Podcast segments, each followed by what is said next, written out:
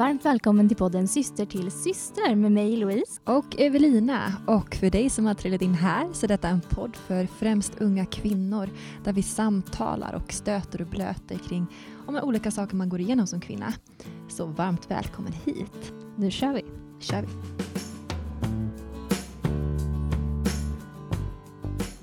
Varmt välkomna till dagens avsnitt av Syster till syster. Härligt att vara här Evelina. Ja men superkul och med oss idag har vi Therese Axelsson. Välkommen hit.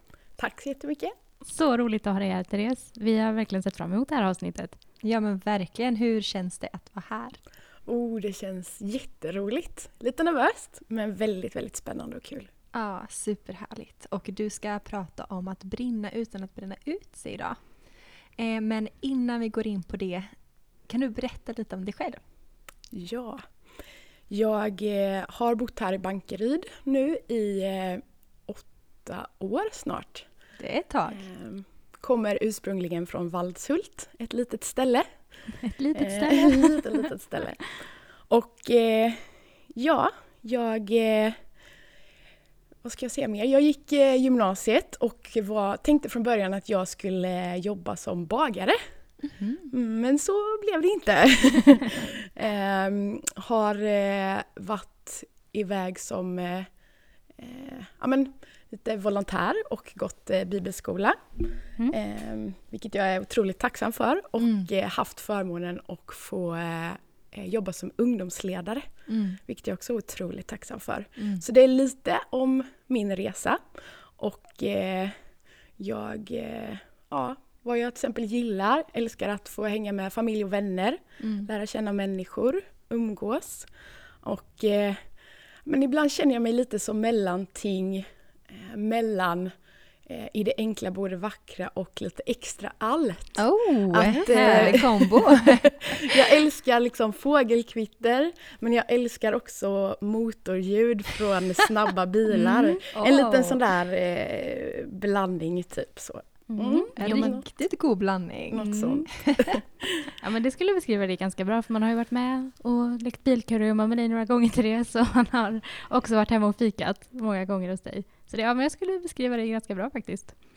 Du har ju arbetat här som ungdomsledare i Bankeryd och det är så lite vi har lärt känna Ja, varandra precis. också. Mm. Eh, och du är en stor förebild för många och också för oss, Mm. eh, känner vi. Och det är därför lite vi har bjudit in dig här idag.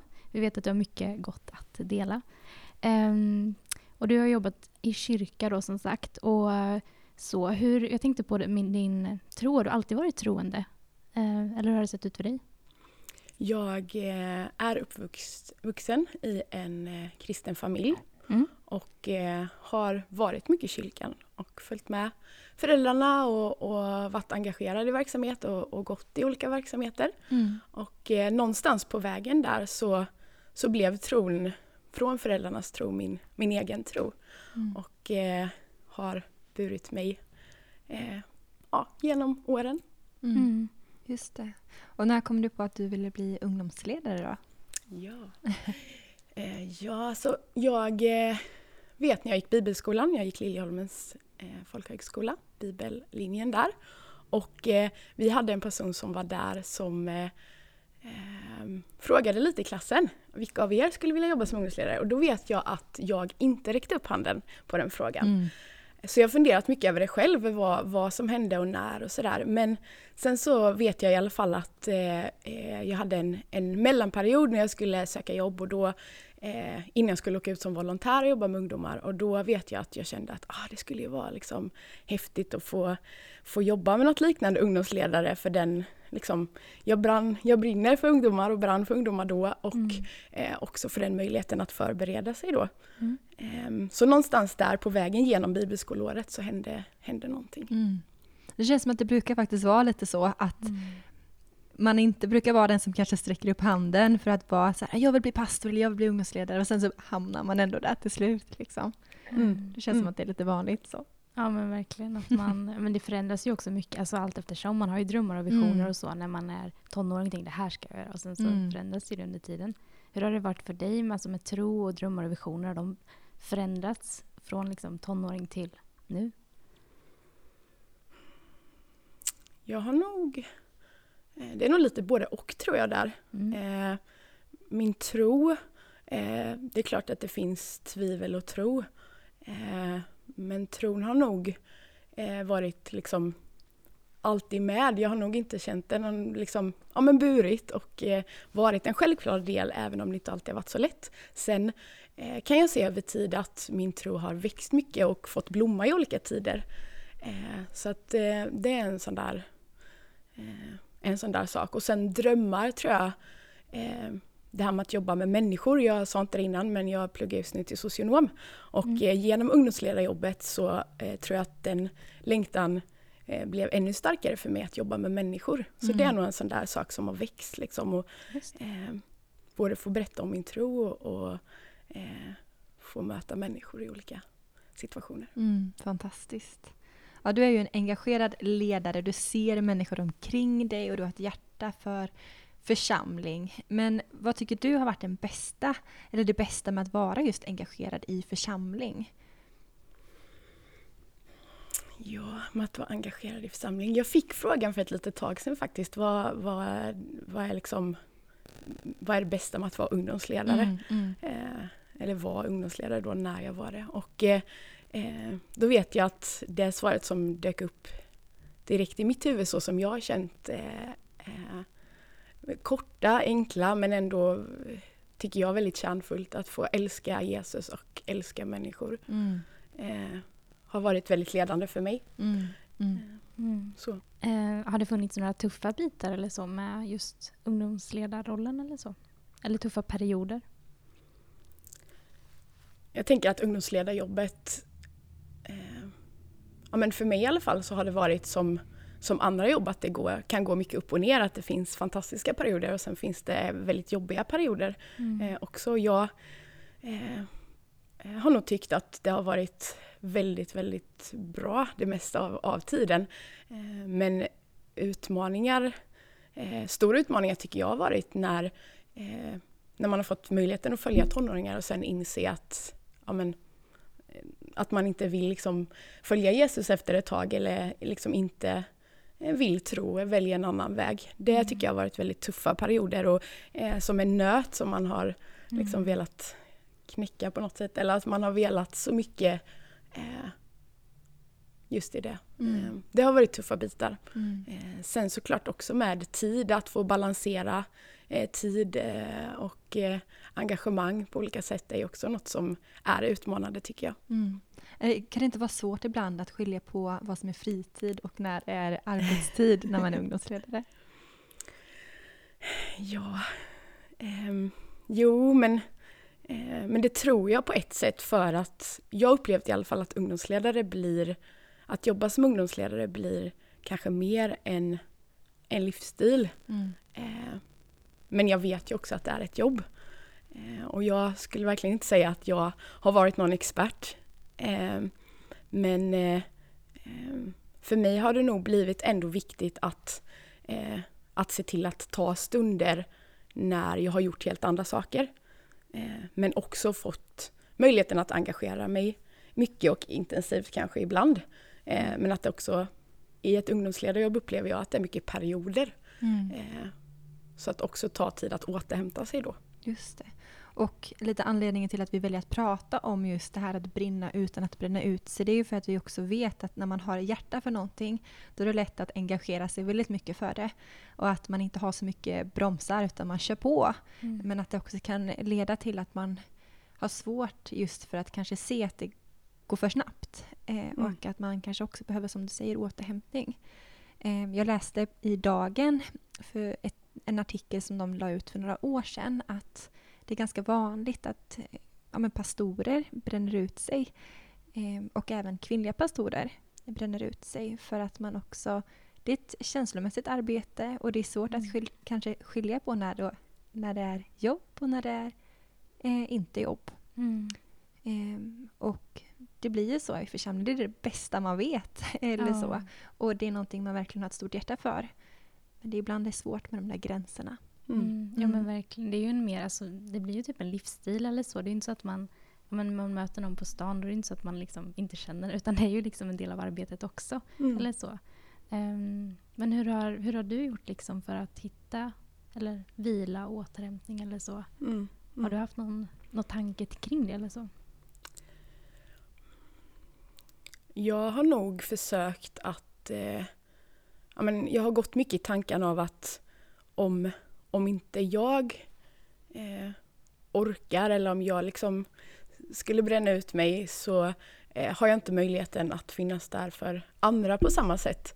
Eh, sådär att få försöka Mm. vara en förebild i det. Eh, sen lättare sagt än gjort och det är väldigt svårt ibland att leva som man försöker lära eller vill lära. Men eh, eh, att eh, en längtan att vara en förebild i det. Och eh, för mig har det nog varit mycket eh, det att just eh, planera in saker som bryter av, att, att avsätta tid. Jag fick ett tips en gång att planera in i kalendern, att skriva in att, att vara upptagen Mm. fast eh, jag egentligen inte hade något planerat. Mm. Eh, en sak som jag tyckte var jättebra men som jag tyvärr inte har följt så mycket. Men jag tror att, för jag tycker så mycket om att umgås med människor och det ger mig energi. Och då tror jag att den drivkraften att få göra det också eh, utanför ungdomsledarjobbet eh, på något sätt såg till för mig att jag fick de här eh, typ andningshålen eller eh, ja, men att få vila eller landa eller, eller sådär. Ehm, så på något sätt naturliga avbrott. Mm. Eh, och ibland som sagt då mer intensiva perioder, ibland mer lugna perioder när det blev en längre tid. Liksom så. Just det. Mm. Och det är ju också så att vila ser så olika ut för olika människor. Jag vet Mm. inte, hur vilar du Louise? Oj, ja.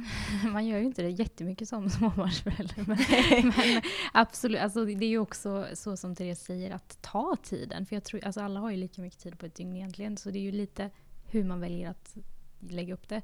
Men eh, jag tror att jag återhämtar mig nog, alltså bara för att gå ut, att gå ut i naturen. Ehm, ja men som du säger, alltså inte boka in någonting. Alltså den här eftermiddagen, ja, men då har jag bokat till att bara göra något som jag tycker är kul. Alltså det tror jag, där hämtar jag Mm. vila och kraft och så.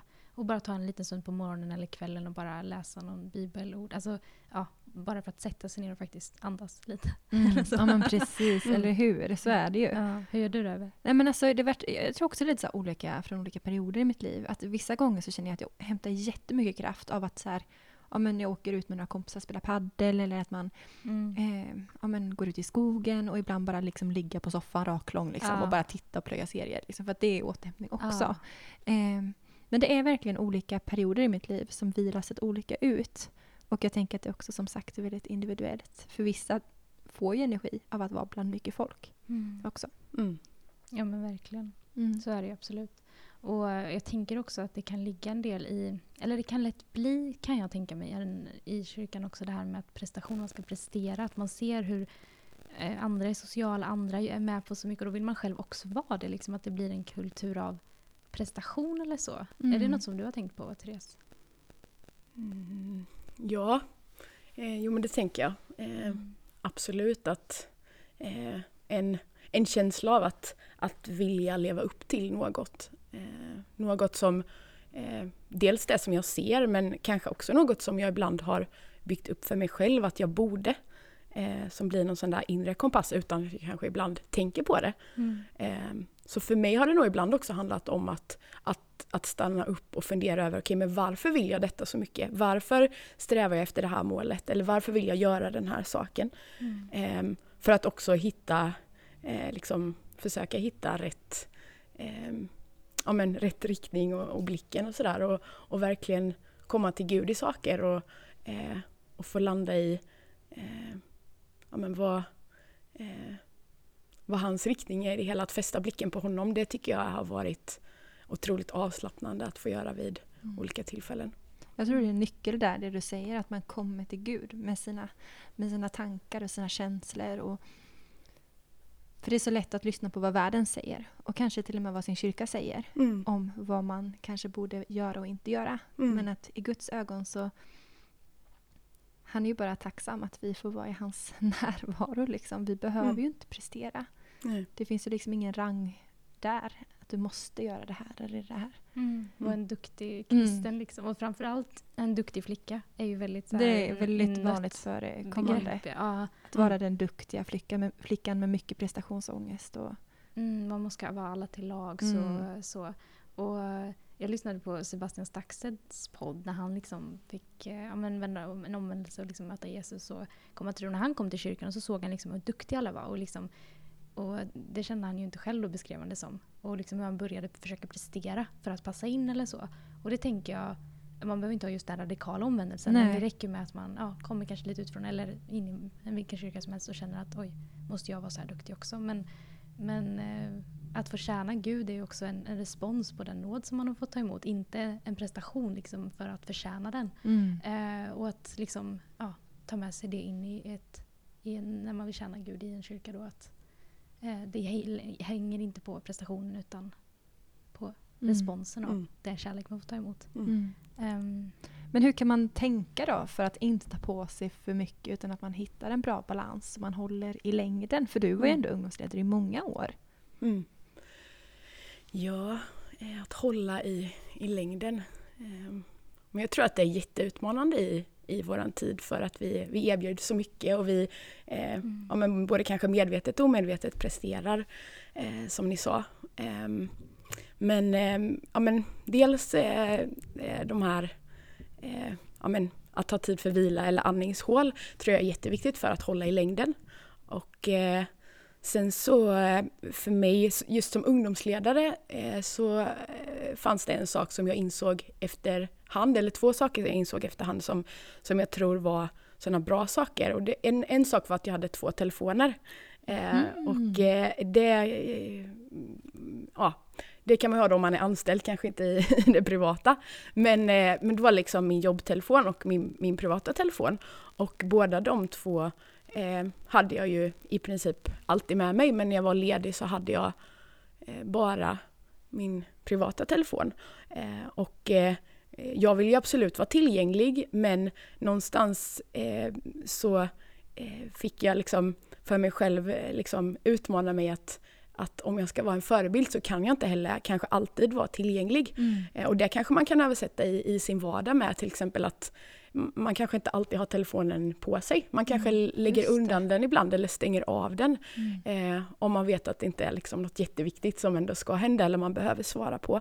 För att det upplevde jag över tid att när jag hade en ledig dag eller en ledig helg att, att det gjorde någonting med mig Mm. eh, i, i just vila.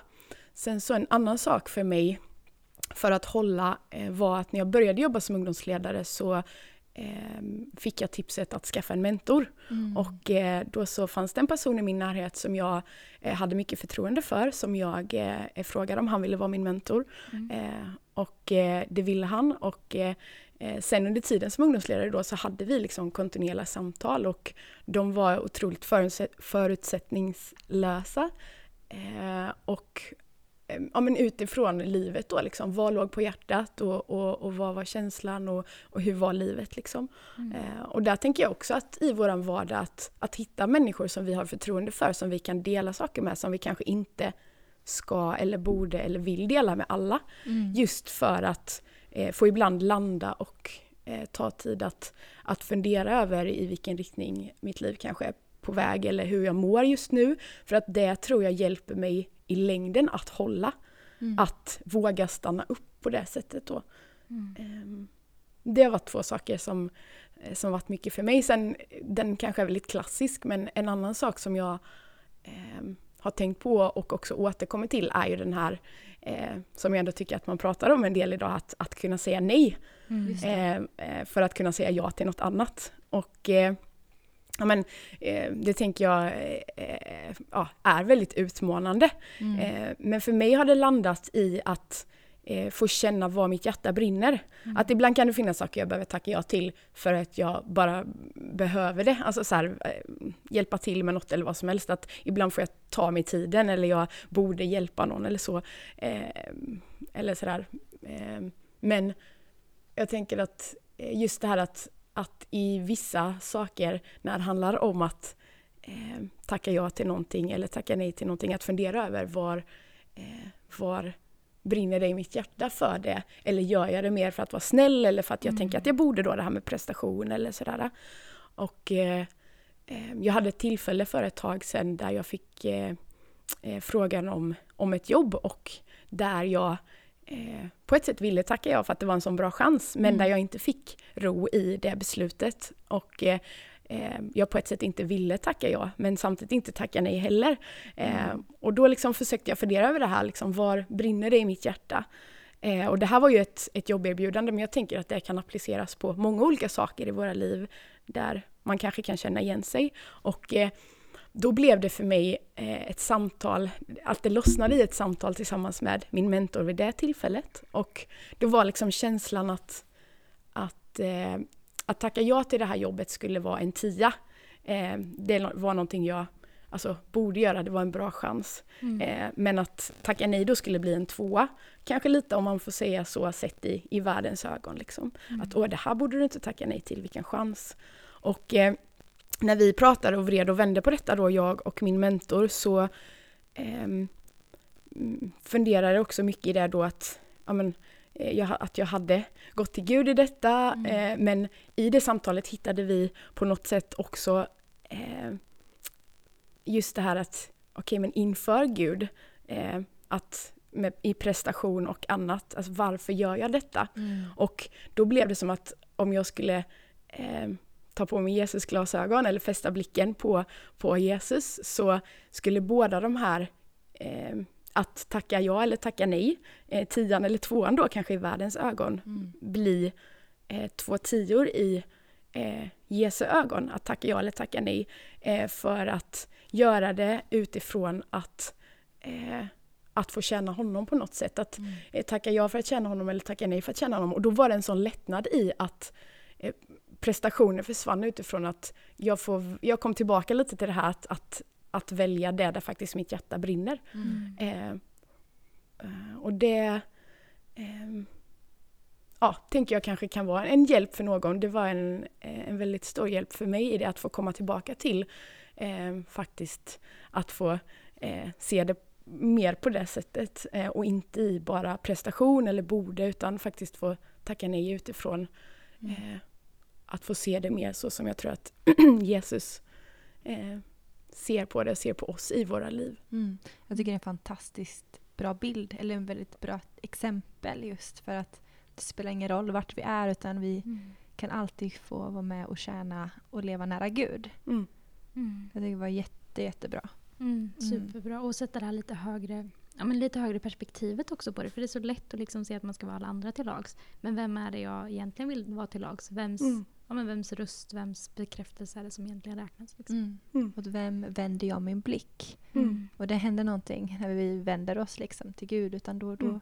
får vi också friden och förutsättningarna att Mm. växa i den takt då, Mm. som vi behöver. Mm. Om man nu ska koppla lite till säsongens tema, växtkraft. Då. Ja men precis. Mm. Vad, vad får oss att växa liksom? Och det är ju lätt att ta, alltså vi lever ju i den här världen, det är ju jättelätt att ta det här perspektivet också. Att ja, men få bekräftelse från människor omkring också. Och lite det här, eh, vad jag kan tycka nu i samhället är lite, det finns ju två poler men det finns ju flera såklart perspektiv att se på det. Men att å ena sidan så ska man liksom dölja att man har bränt ut sig för det är ändå ganska vanligt i dagens samhälle. Och å andra sidan så är det nästan så här att har du inte bränt ut dig då har du inte gjort tillräckligt. Mm. Och det här, ja, men det är ju så knäppt att man ser på det Ja. så liksom att ja, men har du inte kört slut på dig själv ordentligt då, ja, men då har du inte presterat nog. Men kära nån, hur tar vi hand om varandra egentligen? Ja, men vad är hälsosamt? Ja. Det här hälsoperspektivet över istället för att fokusera på vad- vad får dig att må bra? Vad får Mm. dig att Växa. vi, växa? Vad får dig att återhämta dig? För att Mm. det är ju liksom ingen som klarar sig utan sömn, utan mat för evigt. Men ändå ska man liksom tänka att du ska Mm. köra på. Så att det, är det tar vi hand om. Men ja, tar vi Mm. hand om resten liksom. Mm. Mm.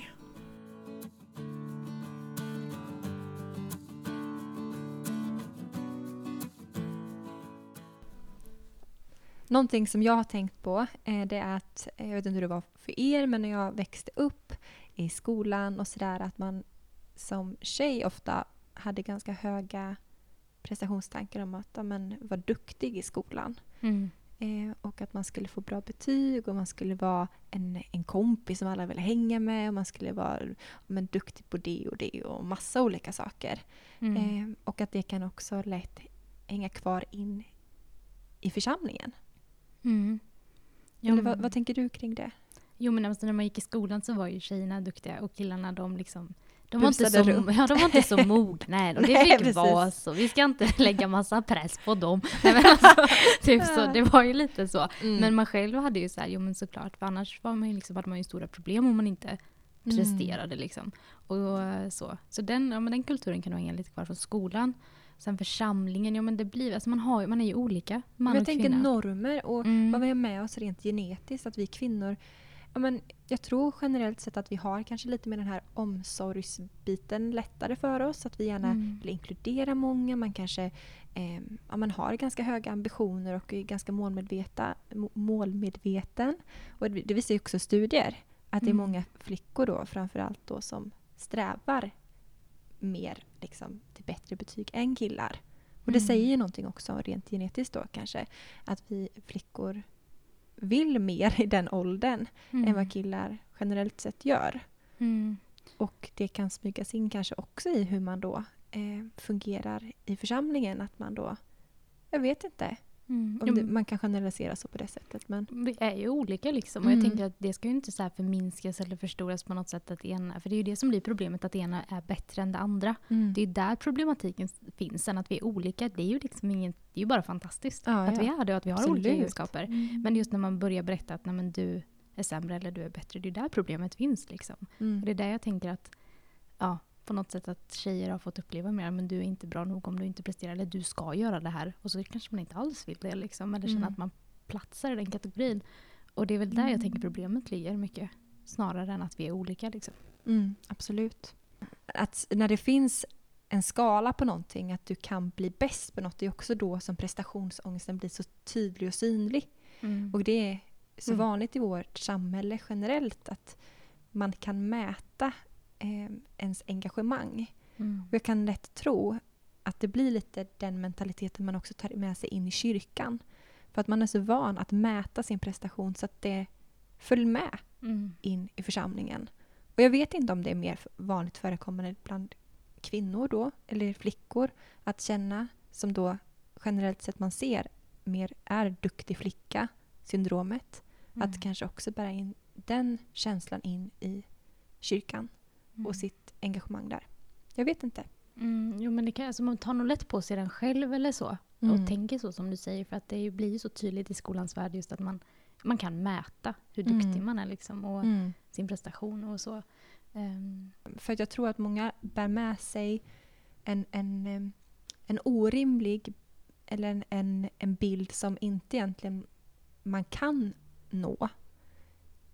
Man sätter för höga För krav. höga krav. Ja. Som man går med sig som en ryggsäck. Och som faktiskt också dränerar och Mm. som tynger ner och skapar ångest och stress i sig. Mm. Och det är den någonstans som man också vill då att människor ska få ta av sig den här ryggsäcken Mm. och få känna en annan typ av frid genom Mm. Gud. Och Jag tror också kanske lite att den här eh, prestationsnivån eller ambitionen kanske att när den triggas så tror jag också att det kan skapa så många eh, onödiga misslyckanden. Mm. Att jag kan känna ett misslyckande för att jag skulle leva upp till eh, en prestation, en, en, som kanske från början var en ambition Mm. som jag själv hade skapat som ingen la på mig. Eh, och så blir det ett misslyckande som jag ska leva med eh, som kanske tynger mig ännu mer som den här väskan Mm. eh, som du sa. Men också kanske ibland prestation som läggs på från andra såklart också. Absolut. Eh, och där tror jag ja, men verkligen är en utmaning. Eh, men att också hela tiden i den utmaningen få påminna sig om syfte och varför och, och komma tillbaka till att ja, men till Guds ära, eh, att få tjäna liksom och att det får bli den här responsen istället liksom på något sätt medvetet mata sig med de tankarna Mm. eh, tänker jag är, det skapar liksom en, en god spiral istället för en kanske ond spiral Mm. eh, som, får, eh, som får hjälpa en och som får lyfta upp en och eh, ja, att få tjäna i eh, på det sättet. Mm. Absolut, och glädjas över det som man gör som du säger för att annars ser man ju bara det som man inte hinner göra, allt det man inte har Mm. presterat eller gjort eller så eller uppnått. Men att glädjas över det man faktiskt gör och, och se ja, vikten av det istället. Liksom. Mm. Det är lättare att se eh, det man inte klarar Mm. än det man faktiskt har klarat också. Mm. Mm. Vi måste bli lite bättre på att ge oss en klapp på axeln. För Mm. vi har ju alla liksom otroliga resor som, som innebär både liksom dalar och toppar. Mm. Och som vi kan vara väldigt stolta för att vi har klarat av. Mm. Ehm, för det är lätt att ge sig själv nya orimliga, orimliga krav. Mm. Men att vi har faktiskt klarat av redan väldigt, väldigt mycket i våra liv. Verkligen. Och att just där man så lätt ser på varandra. Ja, men hon klarar det, eller den gör det och den gör det också. Då borde jag också göra det. Men att alla är ju så olika. Och som vi sa innan, just där, vad hämtar jag energi ifrån? Den här personen kanske hämtar energi från att göra det. För mig dränerar det. Och då liksom, det är ju inte där jag ska vara då. Mm. Utan att man hittar sin plats och sin roll och Mm. ja, vad, vad lyfter mig liksom. Mm. Så. Du, Therese som har varit både anställd och arbetat ideell i kyrkan. Har du sett någon liksom, ja, men skillnad i de två rollerna liksom, när det kommer till ja, engagemang och liksom, prestationer men också liksom, var du får energi ifrån? Mm. Men jag, ehm, jag var med mycket eh, ideellt som, som yngre, som, som tonårsledare och annat. Liksom, sådär, och, Mm. och kände verkligen jätte, jättemycket längtan. Eh, och eh, ja, men engagemang och eh, älskade att få vara kreativ i det. Och eh, sen så blev jag ju anställd då som ungdomsledare och eh, min längtan och mitt engagemang och min kreativitet fanns ju fortfarande kvar. Eh, och, och, och finns kvar liksom. Eh, men utmaningen ibland kanske kunde vara eh, det som andra la på ibland. Att, men du får ju betalt för det här och, och liksom att göra det. sådär och, och någonting som kanske kan tynga ner. Eh, för mig att möta det eh, så försökte jag mer tänka att det är ett privilegium för att jag kunde på grund av att det var mitt jobb så kunde jag lägga så otroligt mycket mer tid på eh, just det engagemanget och den längtan. Eh, och det var verkligen någonting som jag eh, tänkte en del på som jag är tacksam för att jag fick den möjligheten. Så jag skulle eh, se just anställningen som kanske ännu mer en möjlighet på det sättet. Mm. Just det. Jättebra tankar. Ehm, har du något sånt här bibelord som du har kommit tillbaks till nu under din tid som ungdomsledare eller så? Eh, Jag har ett bibelord som, som jag tog med mig in i ungdomsledartjänsten eh, som har fått vara otroligt viktigt för mig och som jag har burit genom hela vägen och, och bär idag. Och det är Psaltaren 37.5 där det står Lägg ditt liv i Herrens hand, lita på honom, han kommer att handla. Mm. Ehm, och eh, ja, just det här att, eh, att få komma till Gud i allt eh, och att han bär. Och att det inte handlar om min prestation utan responsen på hans eh, nåd och hans kärlek. Mm. Att han bär. Mm. Det är inte vi som behöver bära utan det är Gud som bär. Mm. Det är gott att ha med sig. Eh, vi brukar också ställa eh, en sista fråga till våra gäster som kommer. Och vad har du för gott råd till en annan tjej idag? Ja. Och jag funderade eh, på vad jag ville säga. Men, eh, och jag landade i eh, ett eh, citat från mig själv som jag använde väldigt mycket för ett gäng år sedan. Men eh, som, som jag tycker är eh, väldigt härligt eh, och utmanar mig att hitta balansen. Eh, ja, men både då i livet och i saker som, som man gör eller sådär. Och det eh, ta det lugnt och kör järnet. Eh, Det är bra. Du knyter ihop påsen bra från där vi började med din personlighet där. Ja, men ta det lugnt och kör järnet skulle jag nog vilja skicka med utifrån att jag tror att om vi kan få hitta den balansen eh, och tillsammans med Gud eh, eh, få liksom leva det så tror jag att det är något väldigt fantastiskt. Sen är det kanske utmanande men eh, just det här att få, få göra det vi älskar men att också våga ta tid för att vi faktiskt också behöver vila för att vi är människor. Eh, så på något sätt lite det, det bästa av, av båda världar liksom. Mm. Grymt. Jättebra Therese. Så roligt att ha haft dig med här i podden. Vi, Superkul, verkligen. Så Ja. mycket gott att ta med sig. Så verkligen bara ett stort, stort tack för att du ville komma och gästa våran podd. mm. Tack så jättemycket att jag fick komma, det var superroligt. Och stort tack till er som har lyssnat. Eh, vi kommer att eh, höras igen nästa vecka. Så håll utkik på Instagram, syster till syster. Så får vi önska en fortsatt fin vecka. Ha det superbra nu allihopa, så hörs vi. Det gör vi. Ha det gött. Hej! Hej!